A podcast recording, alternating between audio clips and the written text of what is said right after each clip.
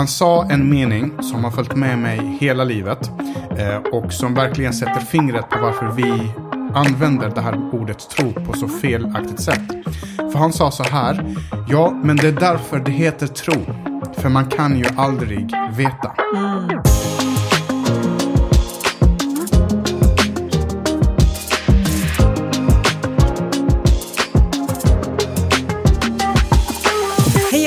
Välkommen till Tro livsstil. Det här är Irena som pratar tillsammans med Heman. Yes, eh, och vi är igång med det första riktiga liksom, avsnitt i podden. Woohoo! Yeah, I know. Eh, Och vi kommer prata om något Det här är som lite är... historiskt måste man säga. Ja, ja, men det är det.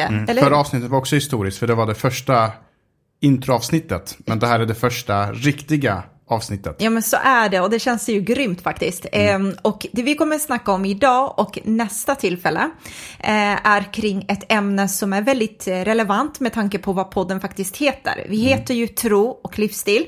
Och, och den som lyssnar på den här podden är troligtvis intresserad Mm. av tro och den kristna livsstilen. Hur, hur ser den ut och hur lever man ut den och så vidare. Vi sa ju det i förra avsnittet att eh, man, man kunde läsa om vad Jesus gjorde och lärde. Mm. Just det. Alltså Jesus var inte en person som bara gjorde massa saker och inte hade någon, eh, någonting som backade upp det. Och han pratade inte bara. Utan Nej.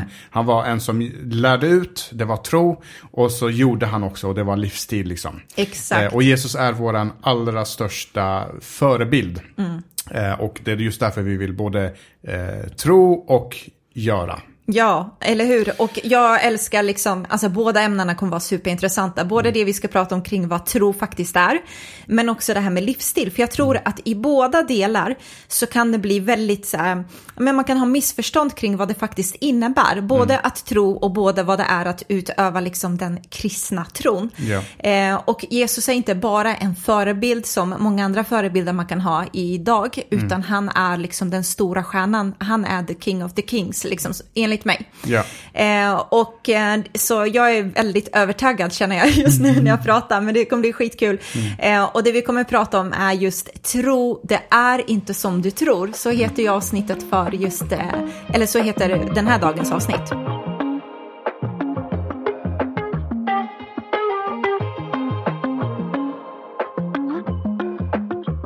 Precis som du nämnde så heter ju det här avsnittet att det är inte som du tror. För jag tror, vi kommer använda ordet, vi kommer säga ordet tro typ Tusen gånger. tusen gånger. Eh, för, för jag tror att de allra flesta människor eh, tror fel om ordet tro.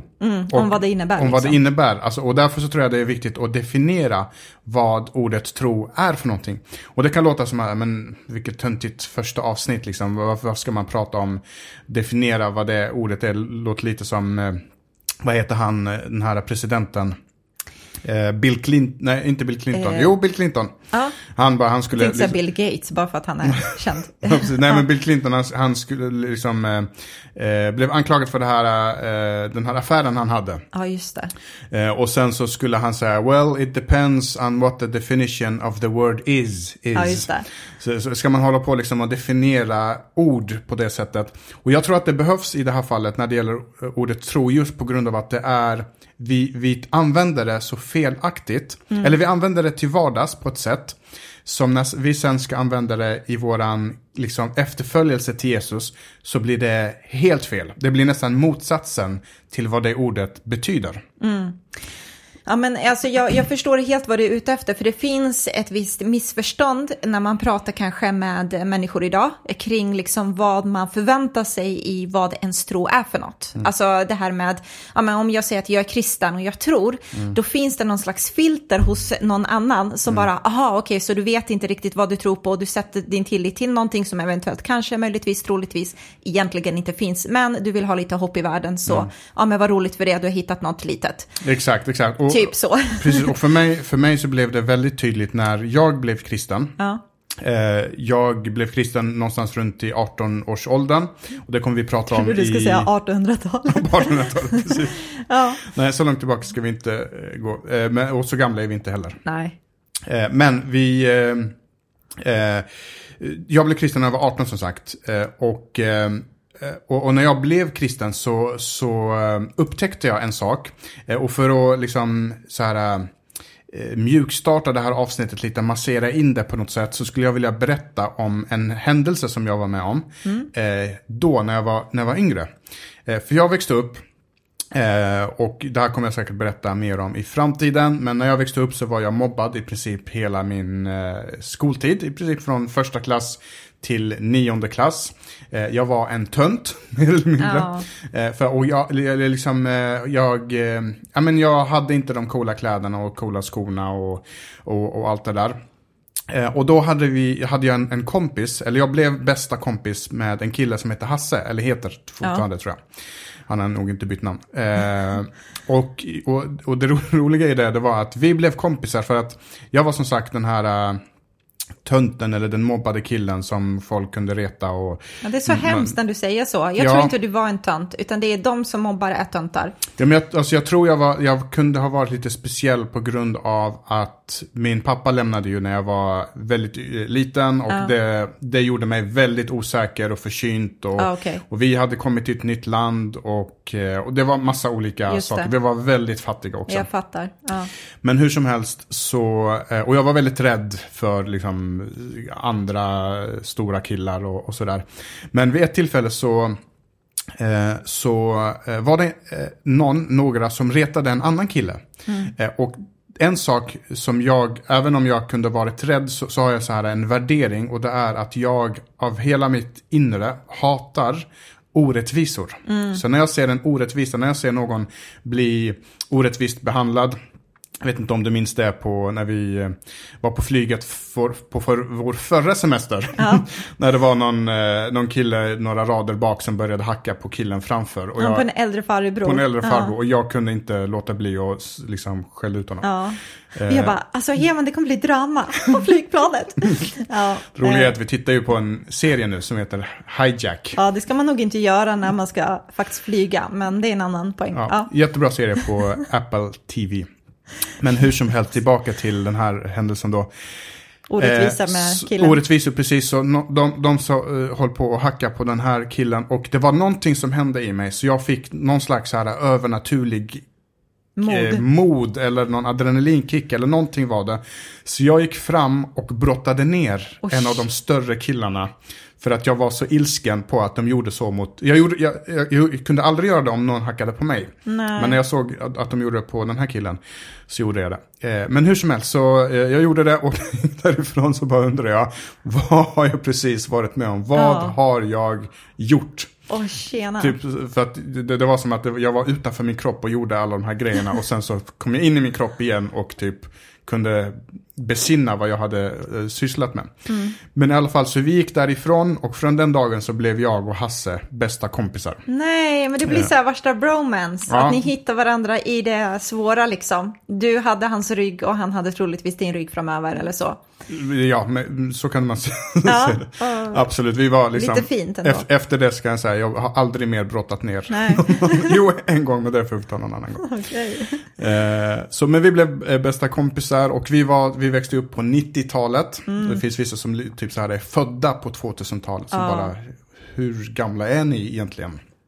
Det var ja. liksom då internet kom va? 90-talet? Precis, det var internet kom då. Windows-datorer kom då man hade så här 15-tums skärmar, jättetjocka mm. och så, så här grått tangentbord. Hade du en sån här dator som hette IBM? Det hade vi hemma. Ja, det var IBM och Compaq och... Ja, Compaq ja. Och så för, den som ja. är riktigt gammal eh, Man vet, kan googla de här datorerna så kan man se hur de såg ut i alla fall. Precis, man hade en Pentium 3-processor med 500 MHz. Okay. Det går inte att köpa nu för tiden.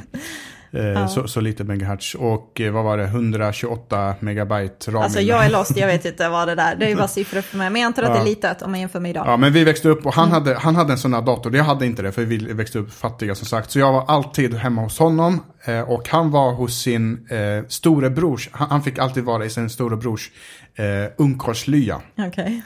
Eh, och eh, i den så hängde liksom affischer på Jackie Chan och Bruce Lee och det var någon nunchaka som hängde.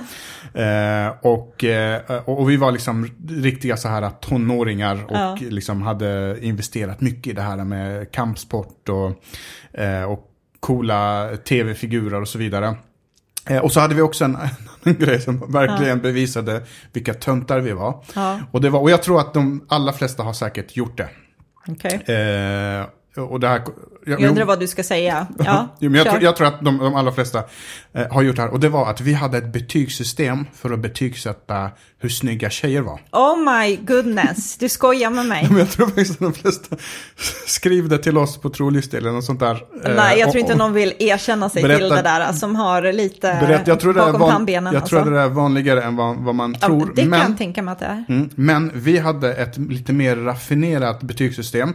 Eh, och lite, Herman, det här blir bara, jag ser hur du gräver din egen liksom, grop just nu. Nej, men, ja. och, och, och inte bara så här, och, det här, och vårt betygssystem var lite hederligare än alla andras. Det, Det tror jag inte Vi är på. redan på minusskalan. det jag känner så här, du är redan, exakt. Precis, men det här var lite, det, om, om man kan vara på minus 100 så var vi på minus 90 typ. Eh, men, och, och det var hederligare på grund av att eh, vi delade upp våran skala i två delar. Så man skulle ju liksom betygsätta hur snygg en tjej var. Men då tyckte vi att, att det var hederligare att tycka att ansiktet var snyggt än att kroppen var snygg. Alltså jag orkar inte, på riktigt. Alltså det, jag blir så, jag önskar att du som äh, lyssnar kan se mitt ansiktsuttryck.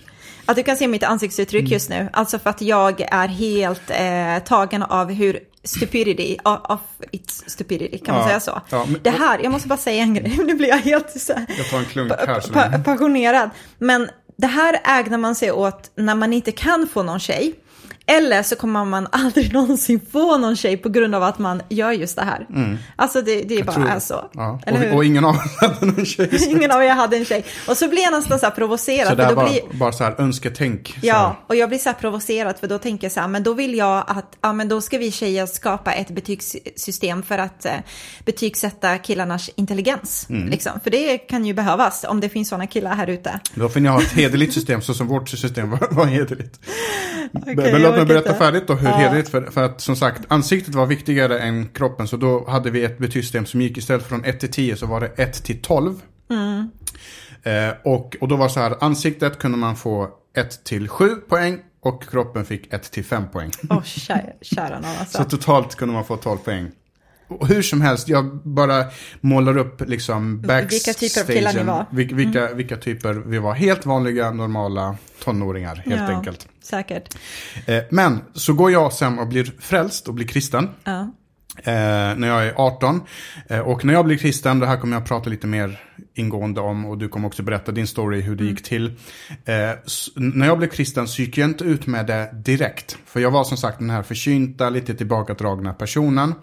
Eh, och jag visste inte hur folk skulle reagera. Jag var uppvuxen muslim och att vara, bli kristen är det värsta du kan bli. Det finns inget värre än att du, kunde bli, du kan bli typ så här du kan gå och bli mördare, du kan gå och bli eh, vad som helst, hallick, drogmissbrukare, men du får inte bli kristen. ja, det är galet. Eh, så, så jag blev kristen och jag smög med det, och jag smög med det inför då min kompis.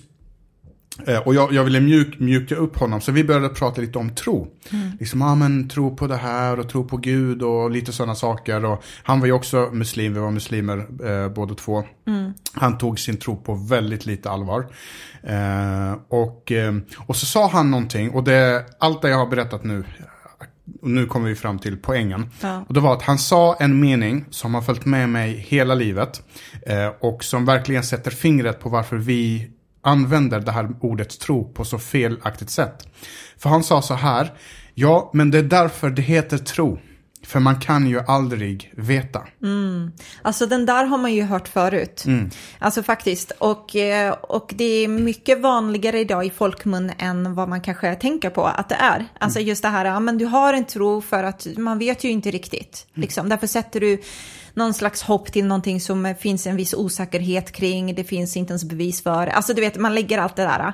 Ehm, jag har hört några säga det här uttrycket att ja, men om jag ska tro, då går jag till kyrkan. Alltså det är lite så här. Mm. Tro gör man i kyrkan. Ja. Mm. exakt. Kom Den inte hit och tro, ganska- utan tro får du Det- får du göra där borta. Och det, det andas ju en, en slags eh, ja, men osäkerhet liksom. Precis, och jag tror att det kommer ifrån eh, lite grann att på i andra språk, till exempel på engelska, så har vi två ord för det som vi bara har ett ord för på svenska. Så på engelska så har vi både faith och believe. Just det. Och de kan vi använda på, i, i lite olika tillfällen och de har lite olika innebörd. Believe är eh, att man, jag är inte säker, I believe.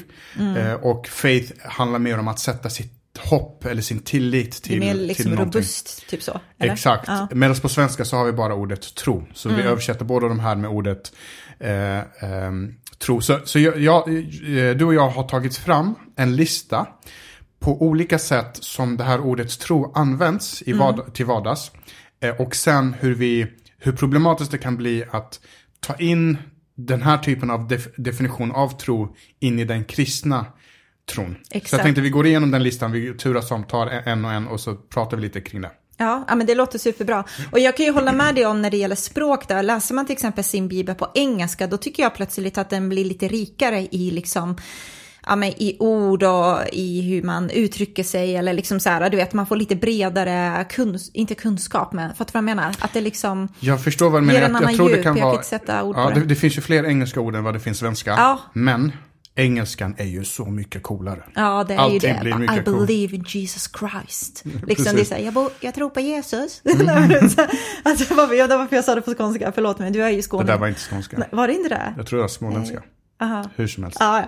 i alla fall, vi har satt samman den här listan och eh, så att det vi använder till vardags kan låta lite så här. Jag tror att det blir regn idag. Det är en ganska så här, men vad blir det för väder? Ja, men jag tror att det blir regn idag. Mm. Och det vi menar med det är att jag tror att det blir regn är lika med, ja men det kanske blir regn idag. Just det. Så det andas en viss osäkerhet. Så ordet liksom. tro blir ordet kanske. Det, Exakt. det är definitionen på det. Ja, jag har en annan då där eh, vi brukar säga så här. Vem tror du att du är?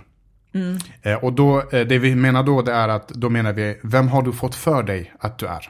Just det. Så ordet tro blir fått för sig. Mm. Alltså man är inte säker, utan vem har du fått för dig att du är? Ja, men lite så är det ju faktiskt. Mm. Jag har en som jag brukar använda till vardags eh, och då säger jag oftast liksom, "Ja, men jag tror att jag går och lägger mig nu.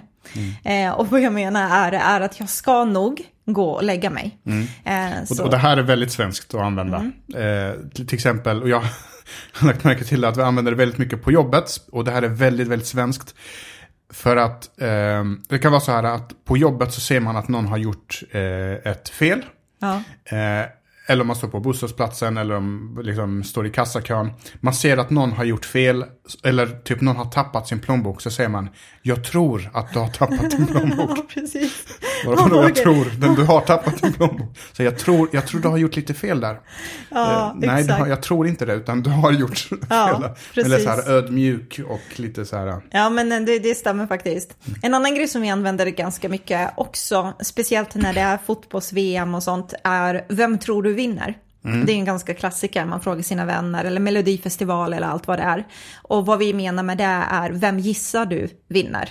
Det. Alltså det, är, det finns inte någonstans där det finns en liksom säkerhet, en absolut sanning i det här, utan det är verkligen så här kanske om och möjligtvis. Exakt, och så är sista då. Eh, tror du jag skulle kunna få låna din dammsugare?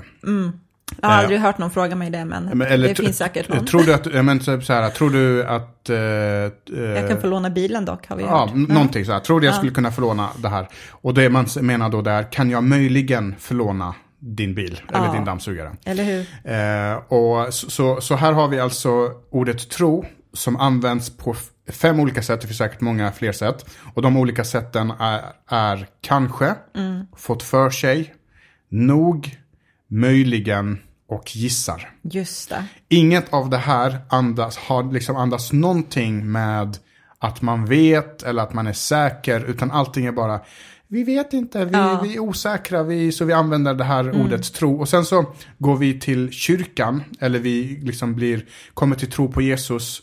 Och så använder vi samma ord på det. Tänk om vi ska använda samma ord om Jesus. Ja, ja kanske Jesus. Eh, jag har fått för mig att det kan vara Jesus, eller det är nog Jesus, eller möjligen Jesus, eller jag gissar att det är Jesus. Ja. Och det är inte det vi menar. När jag säger jag tror på Jesus, så är det absolut inte det jag menar. Nej, exakt. Och, och det, det är inte konstigt om vi använder det här till vardags så är det inte konstigt att den andra personen har det här filtret. När vi säger just, jag är kristen, jag tror på Jesus, så tänker de så här, ah, okej, du sett, tror möjligtvis kanske att han existerar och är Gud, men du vet inte med säkerhet. För man får absolut inte hävda att man har en absolut sanning idag. Det är fy skam, det får du absolut inte göra. Eh, och, och, det är liksom den som säger sig veta sanningen ska minsann straffas. Liksom. Exakt, Nästan exakt. så har det ju blivit, så Ja. att man, man liksom blir eh, lite så här inskiffad, eller vad heter det, in, liksom, jag försöker visa med mina händer, mot en liten corner, liksom mot ett hörn. Och Intryckt så bara, mot ett hörn. intryckt mot ett hörn, bara, nej men det är nog kanske möjligtvis jag har fått för mig nog. Precis, och så säger man så här också att vi vet inte och Mm. därför tror vi. Ja, Eh, och, och att någon gång, och vi kommer ha eh, ett, eh, några avsnitt längre fram kring det här med vetenskap och sådana saker och hur det går ihop. Men, men, och där säger man också typ så här, någon gång kommer vetenskapen att ge oss alla svaren på alla frågor som vi har. Och, och då kommer vi inte behöva tro längre. Så tron kommer liksom ha spelat ut sin roll. Men, men då har man helt fel definition av vad Bibeln menar när den säger tro. Och det är samma definition som vi använder när vi kallar den här podden för tro och livsstil.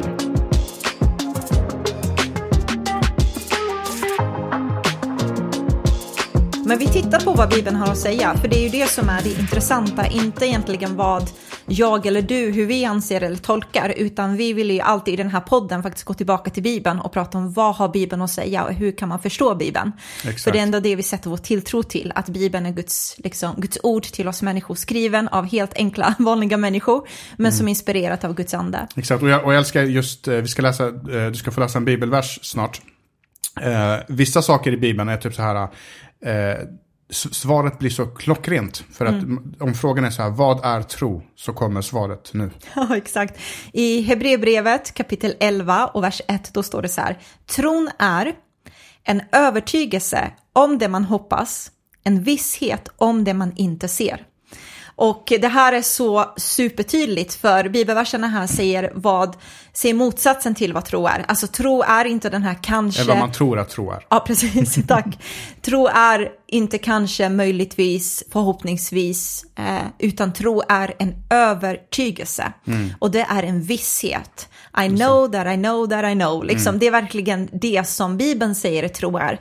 Så när jag sätter min tro till det Jesus har gjort så har jag en inre övertygelse om att han är den här guden som har klivit ner till jorden, han har gett sitt liv för mig eh, och jag har en visshet i mitt hjärta om att han är sanningen som jag sätter mitt hopp till, som jag ger mitt liv för liksom. Precis. Alltså så.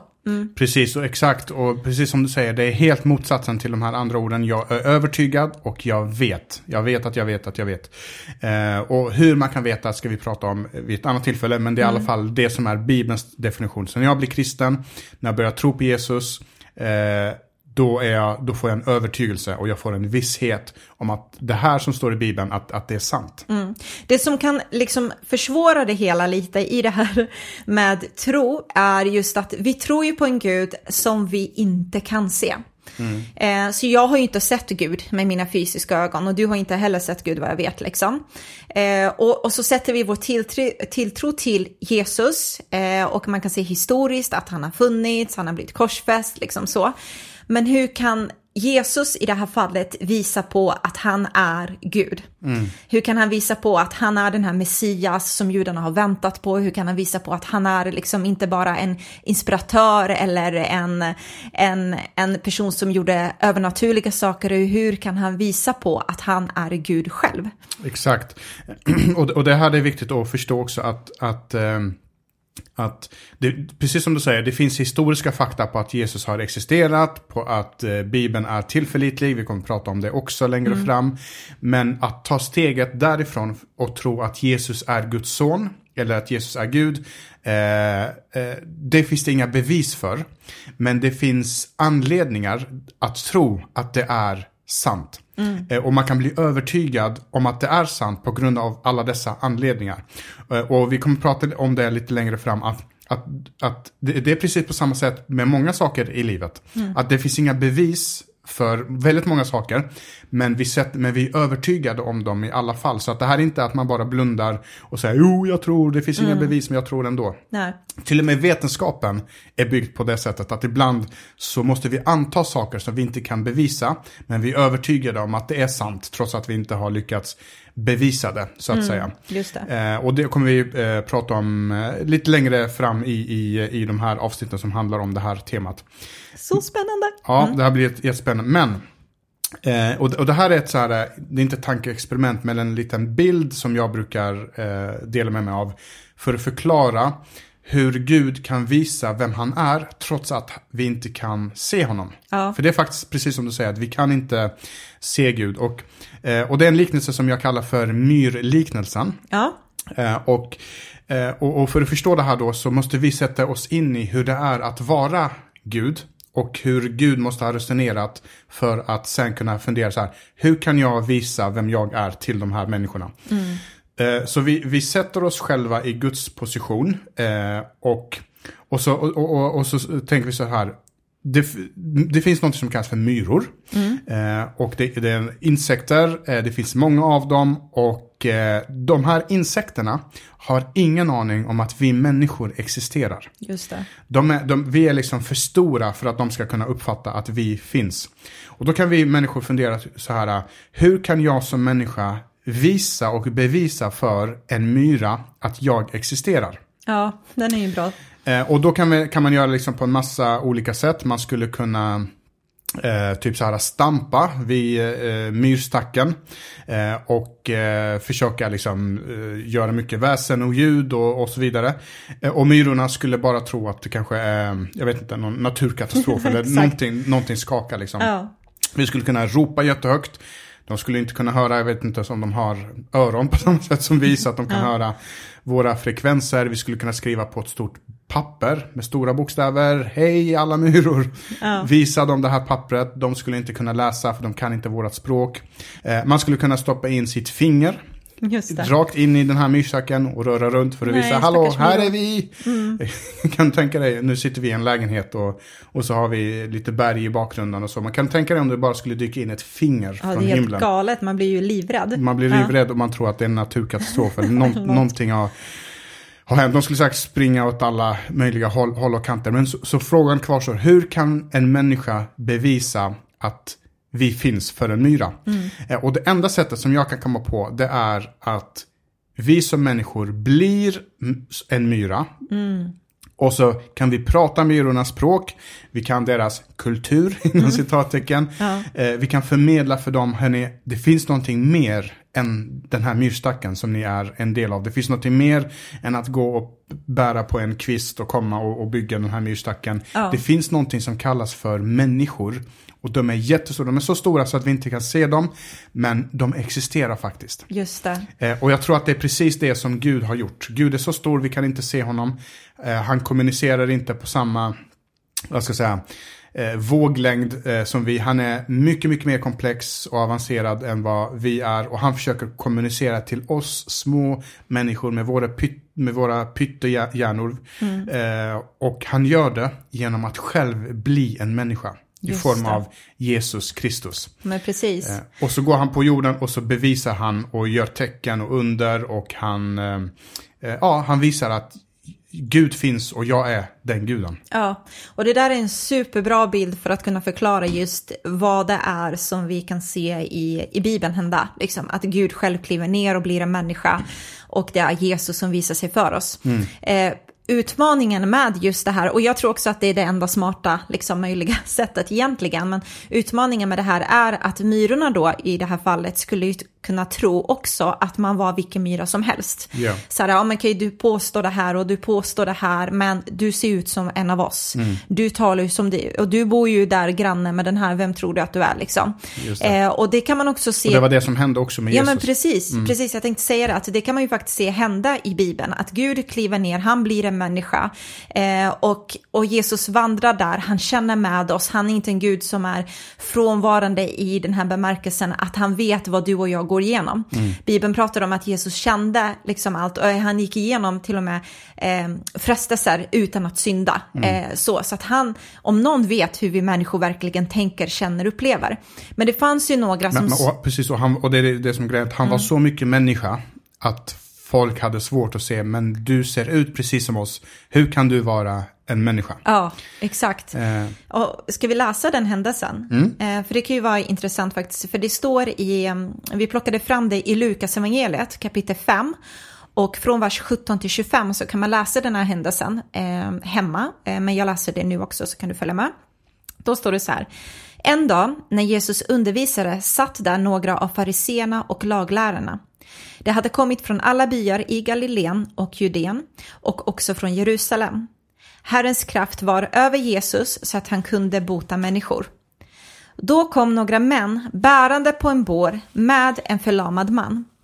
De försökte tränga sig fram för att sätta ner honom framför Jesus men lyckades inte ta sig fram genom folkmassan. De gick därför upp på taket, tog bort några takplattor och firade sedan ner den förlamade på båren mitt framför Jesus. Mm. När Jesus... här, här måste man nästan bara stanna Ja. och förklara. ja, men jag tänkte vi skulle göra det sen, men det kan vi göra nu också. Eh, alltså här så ser man verkligen några personer som hade en enorm tro på att den här Jesus kan göra ett underverk för våran vän. Våran vän kan inte ta sig själv fram till Jesus. Det står inte heller någonstans liksom att den här killen som är förlamad, att han själv uttrycker att han vill det här eller liksom har en stark tro eller något sånt, utan det enda man ser är, här har han några vänner som verkligen bryr sig om honom och som verkligen har en, en egen övertygelse om att den här Jesus, om det är någon som kan hjälpa så är det han i alla fall. Ja, alltså, och jag, jag vet inte, vi, eh, vi tittar på ett program som heter Elitstyrkans hemligheter. Eh, och där de får utsättas för massa olika saker. Och, och man kan själv tänka sig, jag vet inte om du har provat det någon gång, men typ att släpa en människa som ja, det ligger är helt omöjligt. Eh, Och här är det fyra personer som ska bära en, en fullvuxen man på en bår. Eh, troligtvis är den båren inte jättesnyggt designad och väldigt praktisk Nej. för att de har tagit några pinnar och eh, lagt någon duk och knutit fast den på något sätt. Och inte nog med att de ska bära den i jättehet värme, utan de ska bära den här mannen upp för ett tak. Ja. Alltså att bara själv klättra upp för ett tak Ja, det, det är ju en jobbigt nog. bedrift i sig. Men, nu, Liksom. men de är så övertygade om att Ja. Jesus är Guds son och Jesus kan göra ett mirakel för våran vän. Så, och, och, och de kan inte komma framför folkmassorna för att det är för mycket folk. Mm. Så de bestämmer sig för att vi, eh, våran enda chans är att klättra upp på taket. Exakt. Så de gör den här kraftansträngningen i det här projektet, får upp den här eh, kompisen på taket i båren. Eh, och sen sågar de ett hål. De gör ett hål i taket. Och sen så har de gjort en anordning. Alltså de har med sig rep. Och de, har, de gör det verkligen till ett projekt. De har med sig rep och så vidare och knyter fast. Och så med väldigt god precision så firar de ner sin vän från taket ner framför Jesus. Ja, alltså, och, och, och grejen är så här också, när du läser din bibel, så här brukar jag också tänka, det där var ju inte liksom att allt var perfekt. Du vet så som vi uttrycker nu, så här bara zzz, ska man ner med någon så här ellina, du vet, och bara helt balanserad. Utan tänk så här att det var fyra grabbar där uppe, så bara håll i, du, repen går ner, men släpp inte repen så mycket, vänta, vänta. Och du vet, och han bara viker sig liksom åt ena hållet och så bara balansera upp då, balansera upp. Du vet, och bara det här Den kaoset ena, ena, liksom också. liksom den här förlamade mannens armar och ben dinglar från ena Ja, kanten av bårsängen. exakt. Och sen- han undrar så här, om jag bara ens överlever ner, dit ner är ett mirakel i sig självt liksom. Mm. Men det, det är verkligen så. Eh, och där ser man de här killarnas tro eh, för eh, de har en egen övertygelse som sagt liksom på Precis. Mm. Jesus. Men vi fortsätter att läsa då. Och Jesus ser det här då. Vers 20. Vers 20. När Jesus såg deras tro sa han, min vän, dina synder är förlåtna. Så de hade kommit dit för att få ett mirakel, men Jesus förlåter hans, Hans synd synder. istället. Mm. Och så är det alltid några som reagerar när Jesus säger någonting och det är alltid de religiösa. Och då står det så här. Vad är det här för en som hädar, tänkte de skriftlärda och fariséerna. Vem utom Gud kan förlåta synder? Med andra ord, vem tror han att han är som har gett honom den här auktoriteten att han kan förlåta synder? Det kan ingen göra förutom Gud själv. Och det är väldigt intressant att Jesus börjar med att säga dina synder är förlåtna innan han gör ett mirakel. Så det är det de reagerar på Får jag liksom. bara inflika där att, att få sina synder förlåtna är viktigare än att få uppleva ett mirakel. Så är det Det faktiskt. är det Jesus försöker. För att det, det, det uppenbara problemet som den här människan har det är att han är sjuk, han är förlamad. Men Jesus ser ett ännu större problem och det är att jag har inte fått mina synder förlåtna. Mm. Så man lyssnar på det här, har du fått dina synder förlåtna? Har du, eh, har du satt din tilltro till Jesus och tagit emot den gåvan? Och du kanske längtar efter ett mirakel men det du egentligen skulle behöva det är att få dina synder förlåtna. För det är viktigare. Bara en liten inflikning. Ja, en viktig inflikning. så det är superbra. Men vi fortsätter att läsa. I vers 22 så står det så här. Men Jesus förstod vad de tänkte och frågade varför tänker ni så i era hjärtan? Vilket är lättare att säga, dina synder är förlåtna eller res dig upp och gå. Och jag älskar Jesus här, alltså han har så mycket swag. Och jag bara, han är ingen tönt som bara, följ mig, utan han är, han är kung, alltså så står det så här. Men för att ni ska veta att människosonen har makt att förlåta synder här på jorden, säger jag till dig, och nu talar han till den förlamade, res dig upp, ta din bår och gå hem. Och genast reste sig mannen upp mitt framför ögonen på dem. Sedan tog han sin bår där han hade legat och gick hem och hela tiden prisade han Gud och bara drop the mic. Alltså jag älskar den här händelsen för det bara visar på Hörni, jag vet vad ni tänker. Jag är Gud. Jag har makt att förlåta synder. Och på det så ska ni få se ett mirakel här. Res upp och gå. För jag Precis. har makten till att göra det omöjliga möjligt. Exakt, så, så Gud, vi människor blir en myra och vi ska försöka övertyga andra, andra myror att, att Gud finns. Eh, och Gud blir på samma sätt en människa för att övertyga människor och prata människors språk om att det finns en Gud. Men så, så säger han, eh, vilket är svårare att säga. Eh, nu, nu, nu kommer Gud liksom ska ge bevis för det här. Så han inte, han inte nog med att han gör ett mirakel och botar den här mannen. Utan han visar dem också att jag kan också förlåta synder. För de visste, och de, och de sa det själva, det står i vers 21. Vem utom Gud kan förlåta synder. Så för att visa er att jag är Gud så kommer jag göra det som ni tror är svårare. Jag kommer bota den här mannen. Och dessutom så kommer jag förlåta hans synder. Just för att det. visa att jag är Gud som kan både laga det, liksom det som är eh, sönder och jag kan rena det som är smutsigt på, på insidan. Ja, ja, det är så kraftfullt alltså. Den här storyn är helt fantastisk. Och liksom här så ser man precis som du säger att Gud blir människa för att vi ska kunna uppfatta vem Jesus är eller vem Gud är framför allt. Gud gör det här med miraklet för att visa att han är inte bara någon människa, någon inspiratör, någon god talare, någon liksom helare, utan han är Gud. Och trots att Jesus gjorde det här, trots att Gud visade sig för dem, trots att Jesus gjorde miraklet framför dem, så fanns det faktiskt fortfarande människor som inte trodde på honom. Fast att de såg det här övernaturliga ske mitt framför deras ögon. Och det är därför det är så viktigt med den här inflikningen som du hade där, där du sa att det är viktigare att få dina synder förlåtna än att faktiskt bara jaga efter ett mirakel. För att miraklet i sig är inte en tillräcklig alltid övertygelse om att Gud finns. Och eh, jag tror att det är lätt så att man faktiskt som troende, om man inte har fått vara med om sådana här övernaturliga saker och mirakler, att man, att man tänker mycket så här när det gäller ens kanske vänner eller familjemedlemmar eller liksom så, att man tänker, men om de bara får se ett mirakel, om de bara får se ett helande hända framför deras ögon eller att de själva får uppleva det, då kommer de börja tro på Jesus. Ibland händer det, men jag har en story där det faktiskt visar på att det inte har hänt. Jag vet inte om jag ska ta det nu eller om vi ska ta det nästa gång. Jo men kör, kör nu, vi Det, börjar... annars skulle eh, det bli en cliffhanger. Avsn- avsnittet börjar bli långt men, men eh, jag tycker det är så spännande. Så, så, för jag tror, det- jag tror det är precis som du säger att vissa tänker så här, om jag bara får se ett mirakel, Mm. då kommer jag börja tro. Men precis som du säger att eh, Jesus använde aldrig mirakel som ett sätt att bevisa för människor att han är Gud på det sättet. Ja. Eh, och det var till och med så att, att vissa eh, kom till honom och sa, kan du ge oss ett tecken? Och så säger han, ni kommer inte få något tecken förutom Mm. Jona-tecken. Nej, men Eh, jag, jag tror faktiskt att jag ska spara mig till nästa avsnitt så, eh, så får man Mm. hålla sig till det. Eh, och eh, så snackar jag mer om det. För då ska jag Mm. berätta något som jag själv har varit med om faktiskt med mina vänner. Eh, så det blir en liten cliffhanger, sorry for that. Mm. men det blir spännande att lyssna till nästa vecka. Mm. Ja men verkligen, och bara för att knyta, knyta säcken här, det som händer också i den här storyn, där det står att Jesus säger, eller det står att Jesus såg deras tro. Så tron är också synlig, tro, tron är inte, eh, eh, den den är personlig men inte privat.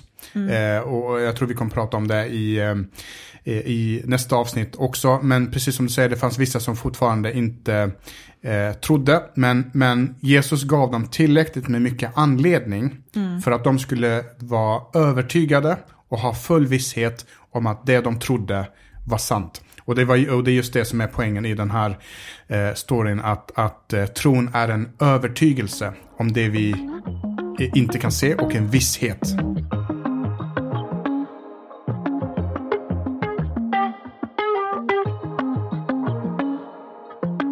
Yes, så nu så har vi rätt ut det så gott som vi kunde om just kring det här missförståndet om vad tro faktiskt är för någonting. Vi pratade lite mer om vad Bibeln säger tro är. Och eh, för dig som eh, lyssnar för första gången eh, och om det är så att du liksom vill dela det här och ibland så kan man faktiskt använda en podd och förklara för sin vän så du, du måste bara lyssna för det här för de förklarar på ett sätt som jag egentligen tror men jag vet inte hur jag ska sätta orden. så dela gärna med dig av det här om du tror att någon blir hjälpt kring det. Det tror jag skulle vara till stor hjälp helt enkelt. Mm. och du får gärna prenumerera om det är så att du har en eller följa heter det nu för tiden. Följa heter det. Så följ på i Podcaster, Spotify eller någon annan mm. eh, podcastapp. Och om du inte redan gör det så följ oss också på sociala medier och Facebook. Vi heter Tro Livsstil även där. Mm. Så lägger vi upp lite material eh, och så håller vi kontakt och så eh, skriver vi till varandra. Yes, så uh, nu så ska vi njuta av det härliga vädret här. Så får du ha en fantastisk eh, dag så ses vi, eller hörs i alla fall om en vecka igen. Mm. Ha det bäst, hej då!